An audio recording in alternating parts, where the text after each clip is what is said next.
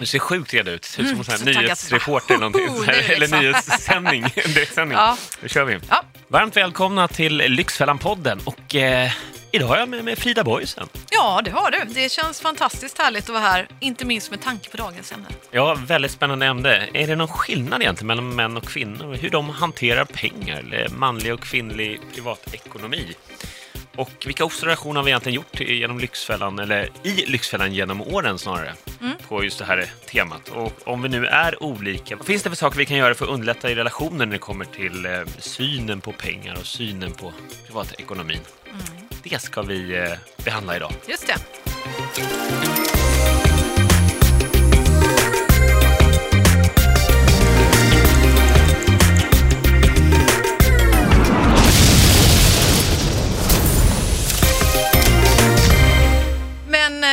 Kan ju fråga alla lyssnare där ute. Vad, vad tror du? Tror du verkligen att det finns skillnader på män och kvinnor när det kommer till ekonomi och att sköta sig och så vidare? Du har ju researchat lite Magnus, det har ju faktiskt jag också. Ja, precis. Vi har ju tagit fram lite, lite fakta och statistik så det inte Mm. bara blir eh, funderingar Nej från oss idag, utan precis, lite cold lösa facts. teorier. Nej, Jag, jag frågade bland annat Max Wallenberg på Kronofogdemyndigheten. Hur är det med skuldsättningen egentligen när det gäller män och kvinnor? Och där tycker jag det var intressant. Han sa att män står för 62 procent av alla eh, Kronofogdenärenden och 38 procent är då kvinnor som står för. Mhm. Dessutom är det så att män är högre skuldsatta än vad kvinnor är. Men medianskulden för kvinnor ligger på 45 322 för att vara noga och mäns medianskuld ligger på 56 822 kronor. Det är intressant tycker jag. Det är intressant. Så fler, fler män än kvinnor som är hos Kronofogden och dessutom har de högre skulder än vad de kvinnor som finns hos Kronofogden har. Mm, precis. Vad beror det här på då? Ja, det Har finns ju så många teorier om detta. Alltså, ofta så brukar, när man, man går till vetenskapen och, och, och frågar alla professorer och tittar på studier som har gjorts så brukar det ofta vara att man hänvisar till att män eh, har, eh, är mer riskbenägna. Man, man eh, har eh, har mer adrenalin i kroppen, man, man går snabbare på impulser och så vidare medan kvinnor är mer eftertänksamma och, och, och, och så vidare. Och så vidare. Men sen är ju givetvis inte alla män på det ena sättet och alla kvinnor på det andra sättet. Det är lätt att man blir generaliserande här ju. Verkligen. Jag brukar höra själv exempelvis, jag har hört hela mitt liv, att, att jag beter mig precis som en man. Ja, okej. Och då tänker jag, ja. I, I vilket, häns, i vilket avseende? På alla avseenden, bara så du vet. Nej, men, Magda brukar säga att hon är som en man. Ska du Ja. också, är du också som en ja, man? jag har också alltid hört det. Ja, men då, Men måste, det- då måste Patrik och jag bli eh, som kvinnor för att Ja, det ska jämna ut här. så blir det något precis, jämställt precis. totalt sett i Lyxfällan. Ja, men alltså, det, och, det har ju, och jag tycker det är lite sorgligt på ett sätt, för då menar man ju allt ifrån att man var den där som tog för sig kanske i klassrummet när man var liten och vågade tala och, och räcka upp handen och ha en åsikt. Men då var det liksom manligt och, och det kvinnliga är att vara tyst. Och det, känns så här, det, det känns ju liv, livsfarligt tycker jag att befästa sådana vidriga eh, liksom, saker till kvinnligt och manligt. I grunden vill man ju tro att det handlar mer om individer och i alla Ja. fall inte nöta in i våra barn att det är tjejigt att vara på det ena sättet och killigt att vara på det andra. Det är bedrövligt. Men faktum är att man får hoppas att det är gamla föreställningar som i alla fall i Sverige år 2018 eh, är dammigt i de flestas huvuden. Men tyvärr är det ju inte riktigt så. Ja, och det tar tid att ändra värderingar, det är ju så. Verkligen. Jag Ja. tänkte, det är faktiskt så också att det, det är ojämställt just mellan män och kvinnor från, eh, ända från skola till pension. här. Alltså, kvinnor har till att börja med högre utbildningsnivå än män i Sverige. Generellt sett. Och det är ju lite intressant, vilket då borde innebära att, kan man tycka generellt, att de har högre lön också än män. Yes. Men så är det ju inte. Men trots, eh, trots det så har kvinnor både lägre lön, lägre inkomst och eh, så småningom också lägre pension. Ja, det ju Och det är ju väldigt märkligt än män då. Och eh, samtidigt visar statistiken också här, enligt eh, SCB, alltså Statistiska centralbyrån, att kvinnor oroar sig mer, upplever sin hälsa som sämre och redan i skolan är mer stressade än män. Apropå det du pratar om Ja, det är här. vidrigt. Hur hänger det här ihop egentligen? Det är ju Ja, vansinnigt. Kvinnor har högre, högre utbildningsnivå, Mm. men lägre inkomst och lägre pension och lägre och är mer stressade över det här också. Det, det känns ju som eh, totalt orättvist. ja, men verkligen. Varför är det så? Alltså, ofta har vi ju en ambition, allt mer faktiskt, att leva jämställda, att vara jämställda arbetsgivare, att ge kvinnor och män lika mycket lön, givetvis. Det vi hoppas inte det finns någon arbetsgivare där ute som känner annorlunda. Nej. Men sen är det som att allt brakar samman ofta när barn kommer in i bilden. Mm. Och det är ju någonting helt fantastiskt när barn föds. Det är ju helt underbart. Det är ju bland det underbaraste man kan få vara med om i livet. Men det är ofta där som jämställdheten eh, sätts ur spel.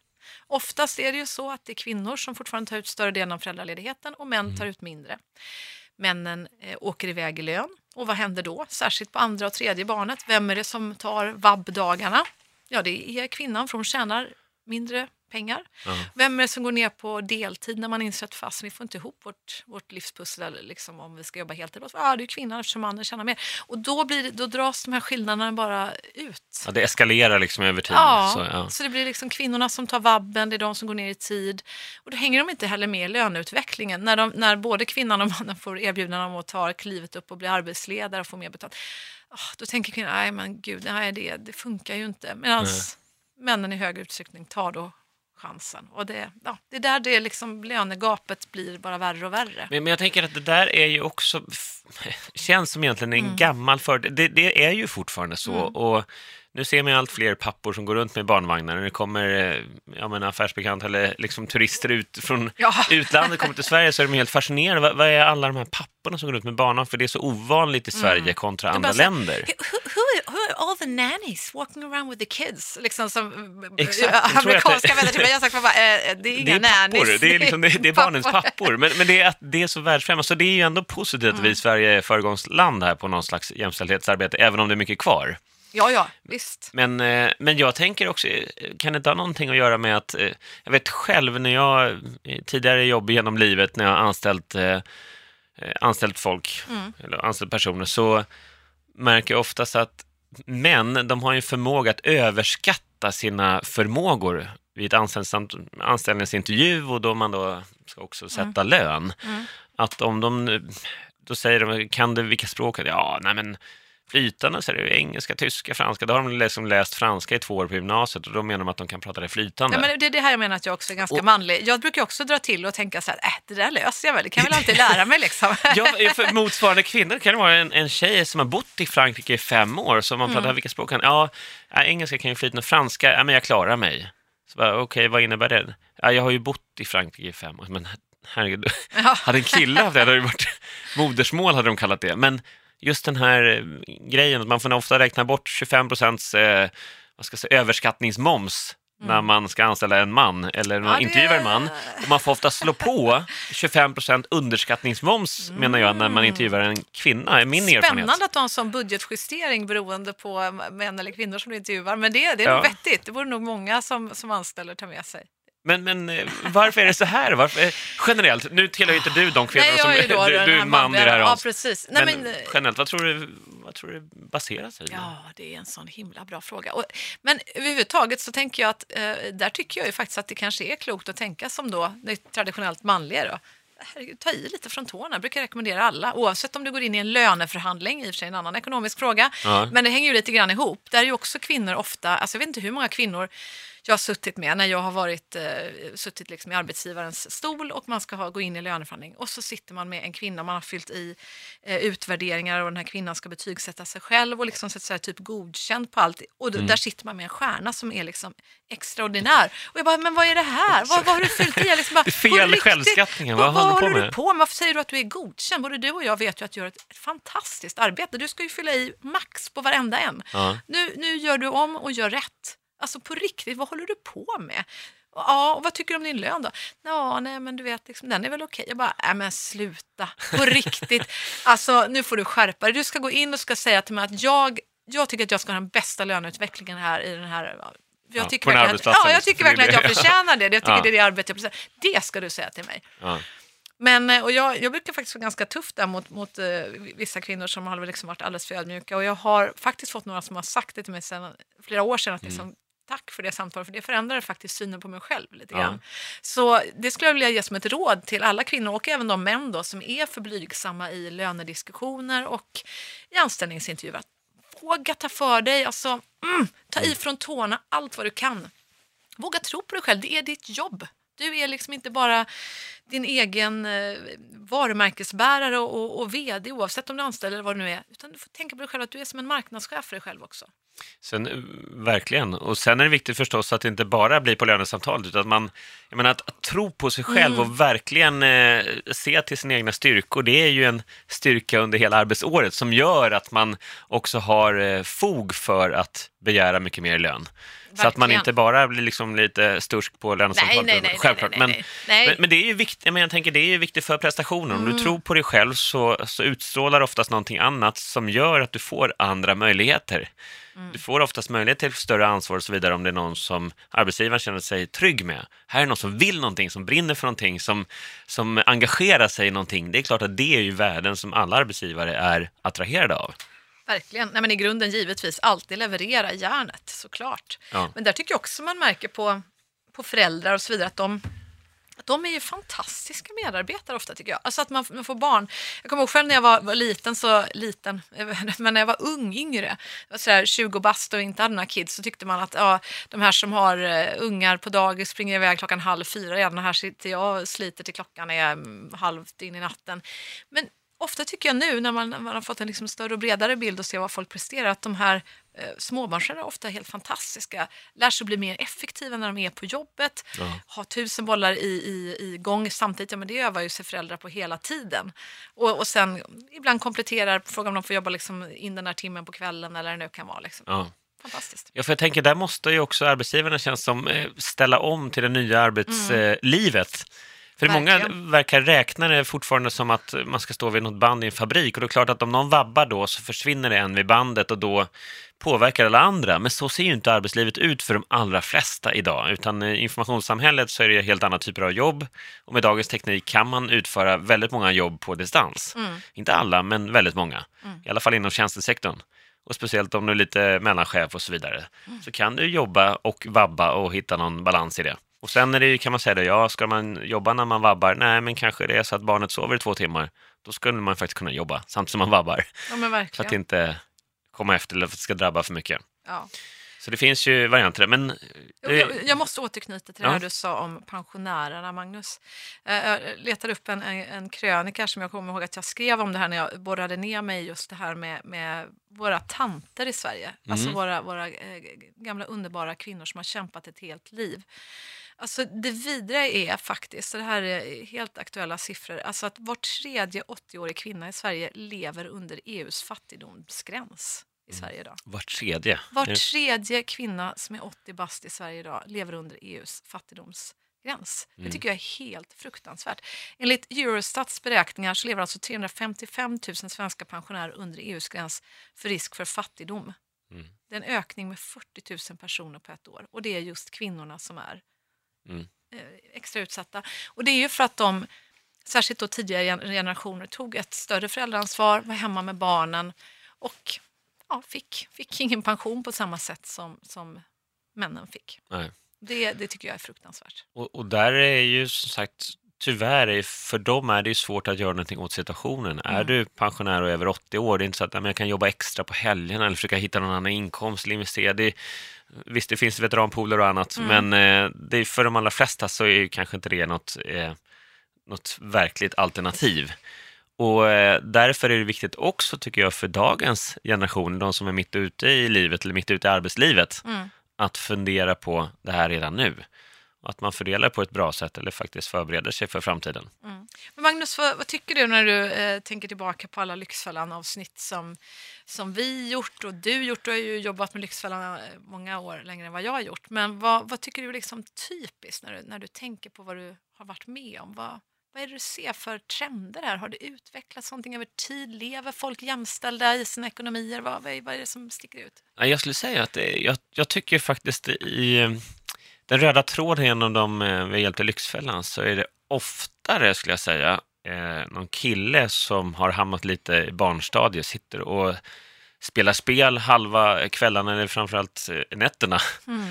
Och sen när de är arbetslösa, de vi pratar om som arbetslösa i alla fall, och så orkar de inte gå upp på morgonen och göra i ordning barnen och lämna på dagis och så vidare, utan oftast då kvinnan i förhållandet som, eh, som kanske dessutom då jobbar och tar ekonomiskt ansvar, plus får dra det tunga lasset hemma. Det har vi ju otaliga exempel på genom Lyxfällan-åren. Mm. Och eh, det här tycker jag är lite, eh, vad ska jag säga, lite fascinerande på ett sätt. För jag, jag tycker i min egen bekantskapskrets, om jag drar den parallellen, Mm. så skulle jag nog säga att det är fler. Det finns självklart undantag. Och det behöver inte betyda att det är så generellt i samhället, men min uppfattning där är att det är fler eh, av mina kompisar, där är killen eller mannen då i hushållet som tar det ekonomiska ansvaret.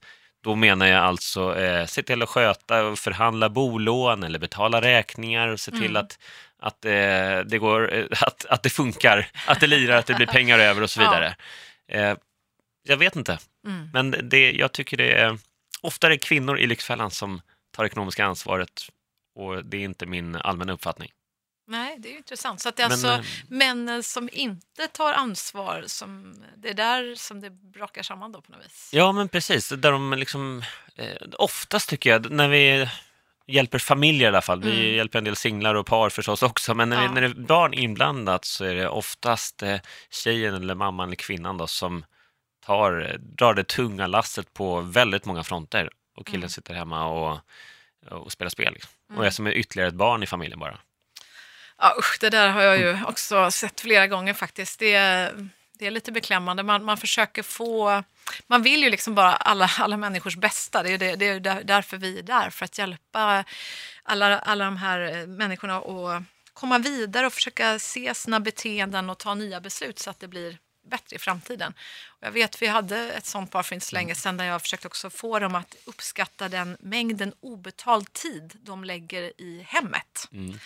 Och det var ju väldigt tydligt i, i det här paret också att, att eh, som sagt var det inte nog med att hon jobbade och mannen i det här fallet inte hade något jobb utan sen var det också hon som tog det större ansvaret hemma Ja. i form av ja, det är allt vet som ska göras, inte minst med några barn. Det är liksom bada barn, det är borsta tänderna, klippa tånaglarna, laga mat, fixa inför barnkalas, eh, allt. Ja.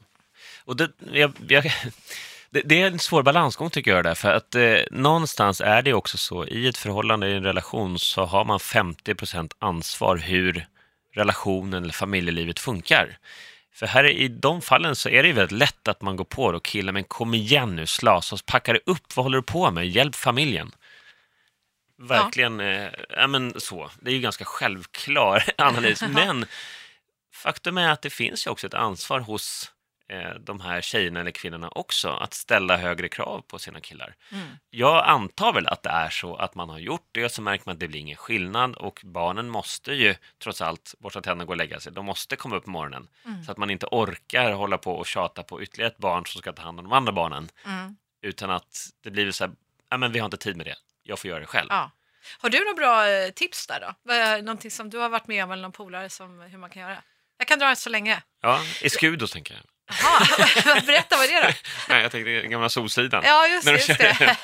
för att få lite jämställdhet i förhållandet. Precis. Vem som gör mest liksom, för Ja, familjen. ja, just Ja, och poängsätter det. Ja, just men berätta, är vad hade du för Nej, men exempel? vi, vi brukar köra eh, two stars and a wish, eh, som de kör ofta på dagis och sånt där också, och Mm. skolor. Att man säger eh, två saker som man tycker att, den- att den här andra personen gör riktigt, riktigt bra. Mm, Och sen en sak som man skulle vilja att man kunde göra ännu bättre.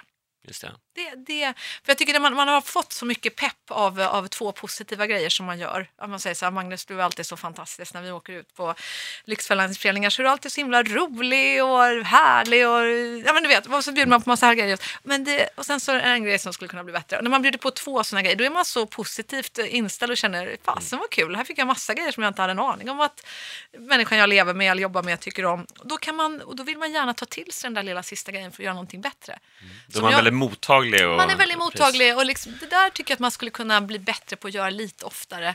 Tror jag skulle, det, det, ofta handlar det om kommunikation. Man kanske inte riktigt inser hur, hur viktigt det skulle vara för den andra parten om man någon gång gick och, och handlade mat, tog ett initiativ till att få mathandlingen gjord eller att man någon gång, ja vad det nu Ja. är, stoppar undan disken, whatever, vad det nu handlar om i familjer. Nej, men det är jättebra, så att det, inte, att det går från att vara bli någon slags gnäll. Ja. Du ska bara tjata hela tiden, du, du tycker aldrig jag gör något Nej. rätt.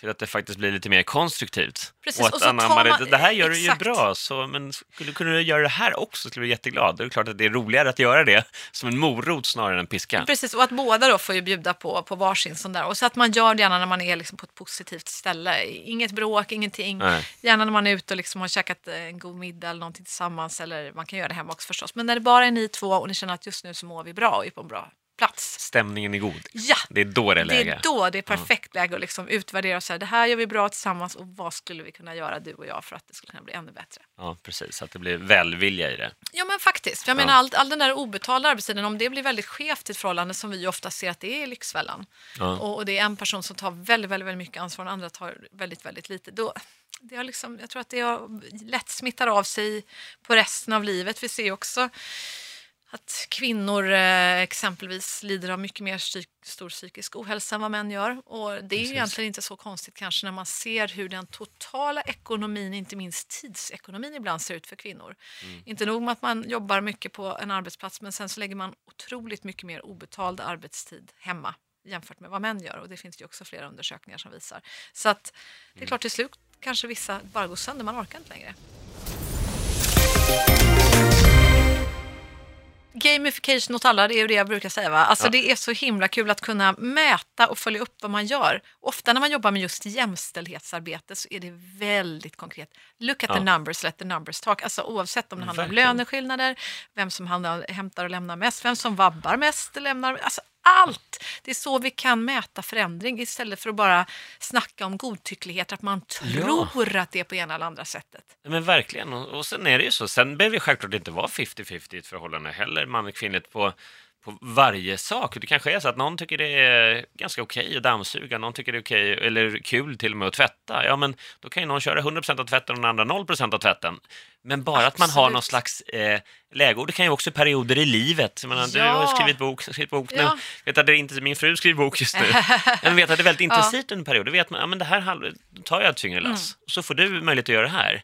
Att man också, bara att man har den där dialogen liksom transparent och öppen så går det ju mesta att lösa. Men så fort någon känner sig orättvist behandlad över tid, då är det ju sällan bra för relationen. Mm. Ja, det där tror jag är jätte, jättebra. Så, jag eh, jag om- snackade med, med Volvo Cars eh, vd i, i succépodden eh, alldeles häromveckan, Christian eh, Elvefors. Aha, Och, svenska. eh, ja, ja, just det, svenska. precis. Mm. Han pratade om sin uppväxt och där berättade han att hans föräldrar hade varit väldigt transparenta med hela familjen varje söndag. De drev ett eget företag. Mm. Om det hade varit en bra eller dålig vecka. De gjorde bokslut varje vecka och lät kidsen vara med. Okej, Det tycker jag är ganska intressant det var egentligen. en intressant läsning. Ja, de bara sådär, om det hade varit en bra vecka, om det hade varit en dålig vecka. Plus minussidan, Ja, vad, vad har vi på pluskontot här på minuskontot? Och, ja. Ja, jag tycker det, det är också lite intressant att involvera barnen eh, tidigt i, i såväl eh, ekonomi som överhuvudtaget hur går det för oss Ja. på på ett bra sätt.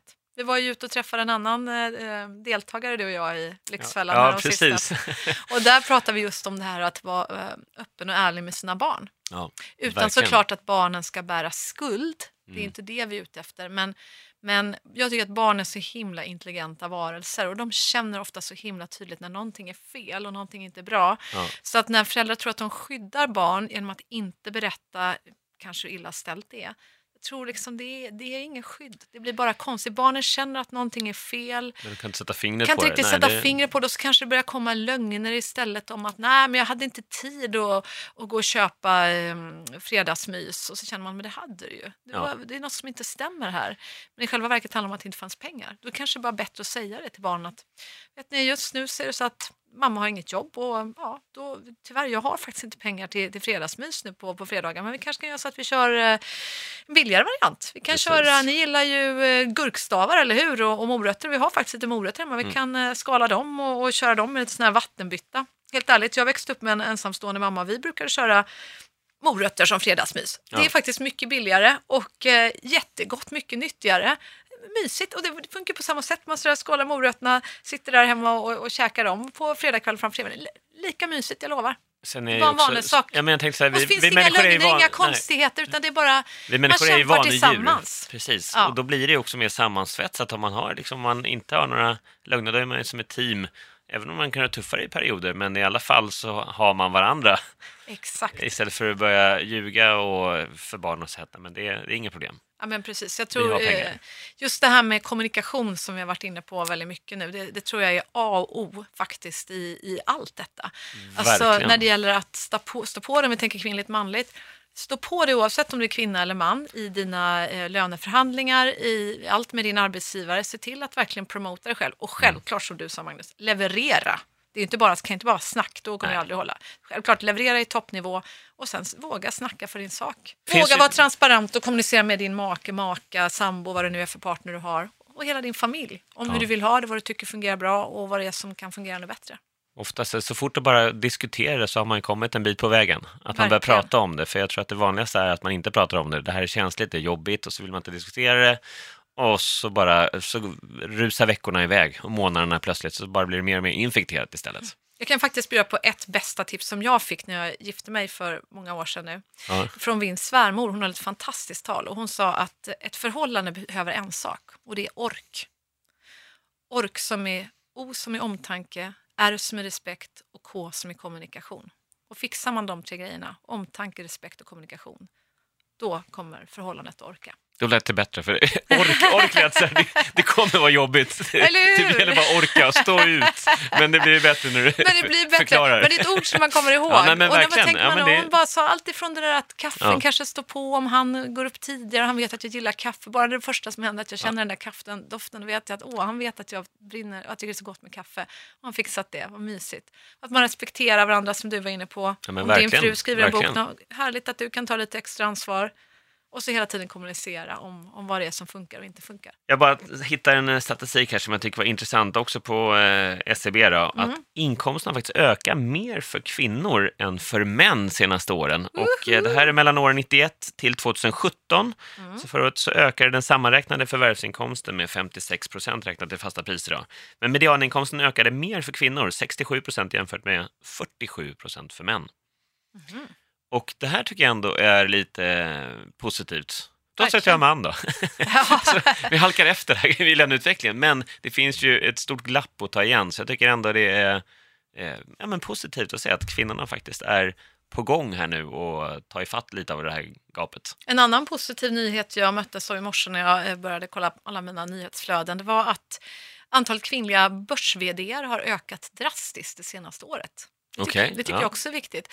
Inte minst för att eh, ja, makten avgör ju en hel del. På riktigt, vi har fortfarande inte haft en kvinnlig statsminister i det här landet. Vi har otroligt få börs som är kvinnor jämfört med män. Och det, allt det där påverkar också. Ja, ja, dels med, som förebilder, att, Mm. att det går faktiskt. Och, och kvinnor som också har ett, två, tre barn kanske och ändå når en, en eh, vd-position på börs, ett börsbolag. Mm. Det är viktigt för den, om inte annat som en signal gentemot alla andra kvinnor förstås, Mm. som en inspirationskälla. Men jag ser också här att eh, fem år, alltså olika inkomst för lika utbildning, så fem år efter examen så har kvinnor 25 procent lägre lön än män med lika lång utbildning.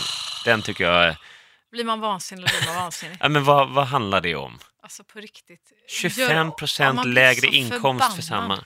Så jag tänker det är bra att det blir fler börs här som kan dra upp också nu då. Ja men verkligen. Och så lite. eh, glöm inte det alla människor där ute nu att är du kvinna, då jäklar, självklart ska du ha minst lika bra som dina manliga kollegor. Ja. Om ni gör minst lika bra arbete. Verkligen, presterar man samma resultat så det är ju en eh, fantastiskt bra fråga att ställa till sin arbetsgivare då om man Mhm. tycker att man presterar lika bra.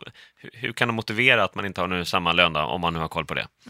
I Men- Island har ju det blivit olagligt att då ge kvinnor eh, sämre betalt än män. Ja, Olagligt. Det är Det spännande. är intressant. Så Ja. kanske det blir här också, man får se. Kanske kommer sådana regler till Sverige också då. Who knows? Men du, när det gäller det här med skuldsättning då? Mm. Vet du vilken del av landet där skillnaderna mellan kvinnor och män är störst?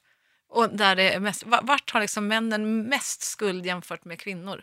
Jag tänker att vi, vi, i södra delen, vi är väldigt mycket jobbar i Ja. Skåne, så jag tänker eh, spontant Skåne, men å andra sidan så är ju Norrbotten längst upp i norr är ju ett lite sån där, eh, ja, ingenmansland när det kommer till ekonomiska problem som inte är du, samtidigt. du är ju rätt ute med, med det här med Skåne. Ja. Jag vet att jag sett andra siffror där just många kommuner i Skåne är överrepresenterade när det kommer till att hamna överhuvudtaget hos Kronofogden. Så där är det någonting med skåningar som faktiskt är, Ja, är eh, man är överrepresenterad i att, att hamna hos Kronofogden. Men skillnaden här var... Skillnaderna, berätta. där är det faktiskt Stockholm som har störst skillnader på länsnivå. Okej. Där det alltså är 65 procent av de skuldsatta som är män. Ja. Alltså två av tre är män och bara 35 procent är kvinnor. Och där det är minst skillnader mellan kvinnor och män, det tycker jag var lite chockartat, det är faktiskt i Värmland. Jaha. Ja, där är skillnaden jämställt. 41 procent kvinnor och 59 procent män som är skuldsatta. Okej, där är det jämställt i alla fall med skulderna. Ja, det är positivt. Sola ja. skiner alltid där också, Ja. i Karlstad. Det är fint. Ja, jag är gift med värmlänning så att, eh, ja, det gillar de lite extra mycket. Ja, så, summa summarum då Magnus, hur ska man Precis. lyckas med detta, att inte hamna i kvinnofällan? Exakt, tre handfasta tips för att undvika kvinnofällan. Nummer ett tycker jag det är att stå på sig. Alltså som kvinna, dels på anställningsintervju eller lönesamtal eller utvecklingssamtal och så vidare med arbetsgivaren. Att eh, våga lyfta fram eh, de starka positiva sidorna och våga också eh, ta betalt för det. Helt enkelt eh, inse ditt eget värde och förminska det inte utan eh, slå på 25 procent hellre än dra av 25 procent på dina prestationer. Exakt. Och två, var konkret eh, i de här situationerna och så vidare. Ifall du inte får gehör, ja men då, ska du, eh, då får du ta kommandot, kanske göra det jobb som din arbetsledare borde ha gjort. Det vill säga sätta upp tydliga målsättningar och eh, se vad resultatet blir. Om du har uppfyllt alla resultat som har efterfrågats, men då ska du givetvis ha en riktigt grym löneutveckling. Jämför givetvis med alla siffror som har, kolla vad dina manliga kollegor har och så vidare. Och eh, såklart begär det du ska ha. Verkligen. Och nummer tre då, undvik den dolda kvinnofällan. Kanske framförallt där hemma, att man eh, faktiskt ställer lite krav på sin partner om det nu inte funkar och är harmoniskt eller jämvikt som det är idag.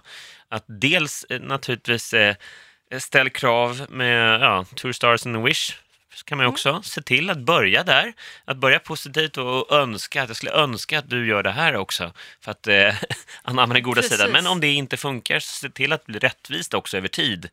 Att, eh, vi diskuterade tidigare ett exempel om om man ska byta däck på bilen som ofta männen gör så kanske det är en timme på hösten och en på våren, så det är två timmar per år. Och så tar kvinnan, men kvinnan i hemmet får ta all tvätt som kanske är två timmar om dagen vissa dagar. Mm.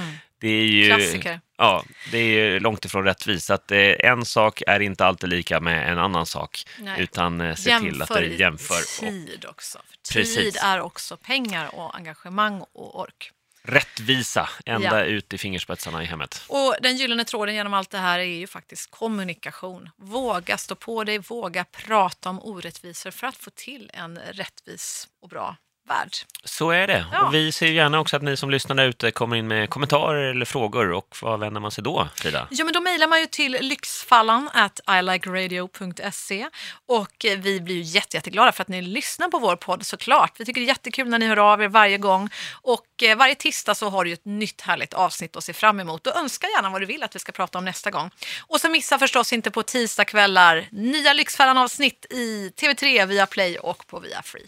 Så är det. Och eh, vi hörs naturligtvis igen om en vecka med en eh, ny spännande Lyxfällan-kollega och ett nytt eh, spännande ämne Ja. förstås. Så ha det bra där ute och var rättvisa och härliga mot varandra. Ta hand om varandra. Ja.